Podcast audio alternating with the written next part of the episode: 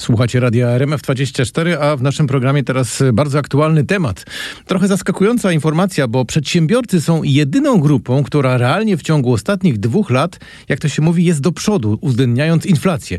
Takie wyniki przynosi raport Jak inflacja zubaża Polaków, opublikowany przez Warsaw Enterprise Institute. I z nami teraz autor tego raportu, dr Mateusz Benedyk. Dzień dobry panu. Dzień dobry Państwu. Pan, e, pan, Mateusz jest ekonomistą, dyrektorem generalnym Instytutu Edukacji Ekonomicznej imienia Ludwika von Misesa.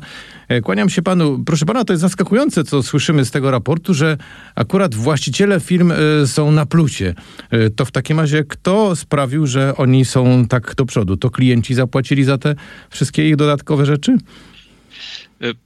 Jakby w ekonomii mówimy o czymś takim, że kiedy pojawia się nowy pieniądz w gospodarce, to ważne jest to, kto jest jego pierwszym odbiorcą, że pierwsi odbiorcy pieniądza korzystają e, na tym właśnie, że są pierwsi i mogą kupić dobra i usługi jeszcze po starej strukturze cen, zanim ten wzrost zasobu pieniądza w gospodarce spowoduje, że ceny generalnie zaczną rosnąć. I akurat tak się wydarzyło, zdaje się, e, w roku 2020, kiedy nastąpiła masowa kreacja pieniądza, która spowodowała obecną inflację, że ten pieniądz właśnie w ramach wszelkiego rodzaju tarcz antykryzysowych e, czasu pandemii trafił do przedsiębiorców, więc wydaje mi się, że to jest jakby najważniejszy e, punkt, z którego wynika to, że akurat przedsiębiorcy mają się ciut lepiej niż te inne grupy, które, grupy, które w tym raporcie e, uwzględniam, tylko jakby też warto pamiętać o tym, że oni są ledwie co na plusie. Tam mi wychodzi, że może są 1 czy 2% realnie. No ale plus plusie, to plus, no mimo to... wszystko. Zawsze to w statystykach dobrze wygląda.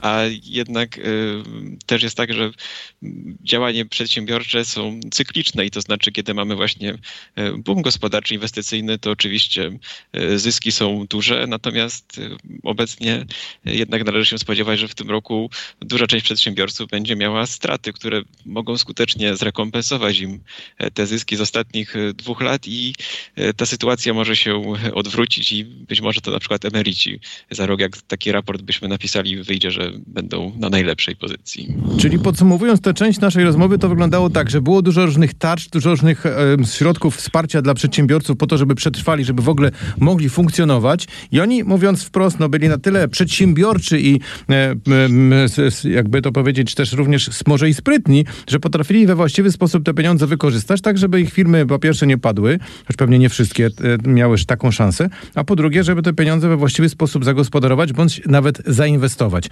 No ale to też jest tak przecież, że przedsiębiorcy nie żyją w bańce, bo ten świat, który wokół nich, cała ta gospodarka też jest w wielu miejscach e, e, mocno e, chociażby potraktowana przez pandemię koronawirusa, czy też inne dramaty, które dzieją się chociażby na naszych oczach w postaci wojny w Ukrainie, czyli ceny energii, ceny paliw, tego wszystkiego, co się dzieje wokół nas, to też wpływa na tych przedsiębiorców, ale jednak oni jakoś się w tym wszystkim odnaleźli. Jak to wygląda? No generalnie jakby przedsiębiorczość, możemy powiedzieć, to jest zmaganie się z niepewnością i dostosowywanie się co, do coraz to nowych sytuacji rynkowych. Jakby przedsiębiorcy y, poniekąd mają w nawyku to, że trzeba zmieniać sposób działania, że, że to jak raz się ułoży firmę, to, to nie starcza na zawsze i że cały czas trzeba szukać y, tego, żeby coś poprawić, coś ulepszyć, y, coś zmienić, bo i, i gusta klientów się zmieniają, i technologie produkcji, i nie wiem, kontakty za granicą, więc jakby w tym chaosie, który się wytworzył od roku 2020, oni byli poniekąd predestynowani do tego, żeby sobie poradzić najlepiej. Tak?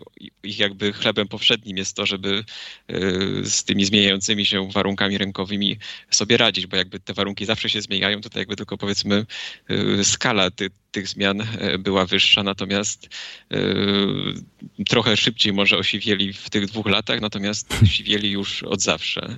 To fajnie, co pan powiedział, bo to jest też taki sygnał dla tych, którzy no, czują ten ciężar inflacji na sobie oraz te problemy gospodarcze w, w ramach własnych gospodarstw domowych. Jeżeli jak trochę będziemy bardziej jak przedsiębiorcy, a nie jak tylko i wyłącznie konsumenci, to być może łatwiej nam się będzie zmierzyć z, z tym problemem. To teraz, proszę pana, jeszcze jedna istotna kwestia, czyli te miesięczne odczyty inflacji. E, jeśli popatrzymy na, na to od momentu, kiedy ten wzrost cen przyspieszył, e, te ceny przeciętnie wzrosły już e, znacząco. To już widać, zarówno jak się porównuje cenę sprzed dwóch lat do ceny dzisiejszej, jak i procentowo. Też to są pewnie odczyty bardzo bolesne dla naszych oczu.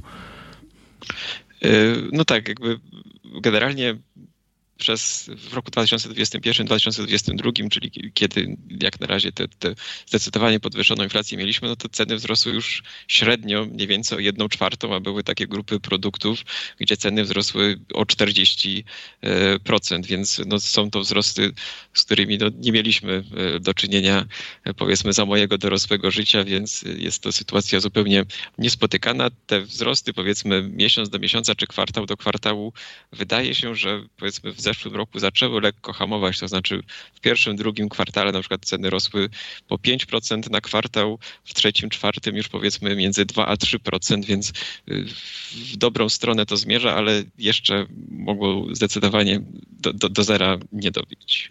Proszę pana, to na koniec jeszcze jedno mm, e, pytanie dotyczące mm, Rady Polityki Pieniężnej, bo ruszyło właśnie dwudniowe posiedzenie.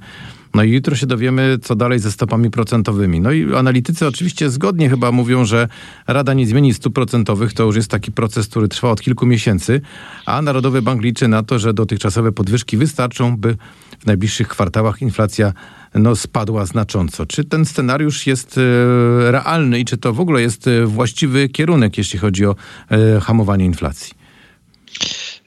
Wydaje mi się, że generalnie inflacja powinna hamować, ponieważ te dotychczasowe wzrosty stóp procentowych e, ze strony Narodowego Banku Polskiego doprowadziły do tego, że generalnie akcja kredytowa w gospodarce się praktycznie zatrzymała, a wręcz zaczęła się cofać. Na przykład gospodarstwa domowe już jakby więcej kredytów spłacają niż zaciągają nowych i, i to sprawia, że generalnie pieniędzy w gospodarce zaczęło ubywać. Po tym jakby dramatycznym wzroście w roku 2021 zaczęliśmy notować lekkie spadki tego zasobu pieniądza, więc jakby to paliwo do, do wzrostów cen generalnie powinno się kończyć, ale no, bo to tak jest niestety w gospodarce, że jak e, ta jakaś zmiana pieniężna się zadzieje, na przykład dodrukujemy dużo pieniądza, to to później trzeba wielu miesięcy, żeby to się po gospodarce rozlało. Nigdy nie wiem do końca, czy to będzie trwało 12, 24 czy 36 miesięcy. E, natomiast jakby to ograniczenie akcji kredytowej, z którymi mieliśmy do czynienia dotychczas, jakby wskazuje na to, że, że czeka nas zdecydowany e, spadek inflacji i zahamowanie wzrostu ten, cen. To, co NBP mogłoby ewentualnie e, zrobić, moim zdaniem, to jest mogłoby wzorem innych banków centralnych y, jakby cofnąć skup aktywów, który, którego dokonało w, czasie pandemii, to jakby mogło, myślę, zdecydowanie podwyższyć by wiarygodność y, polskiej gospodarki i polskiej waluty i przyczynić się do jej umocnienia, co, co pozwalałoby nam taniej kupować dobra e, z importu.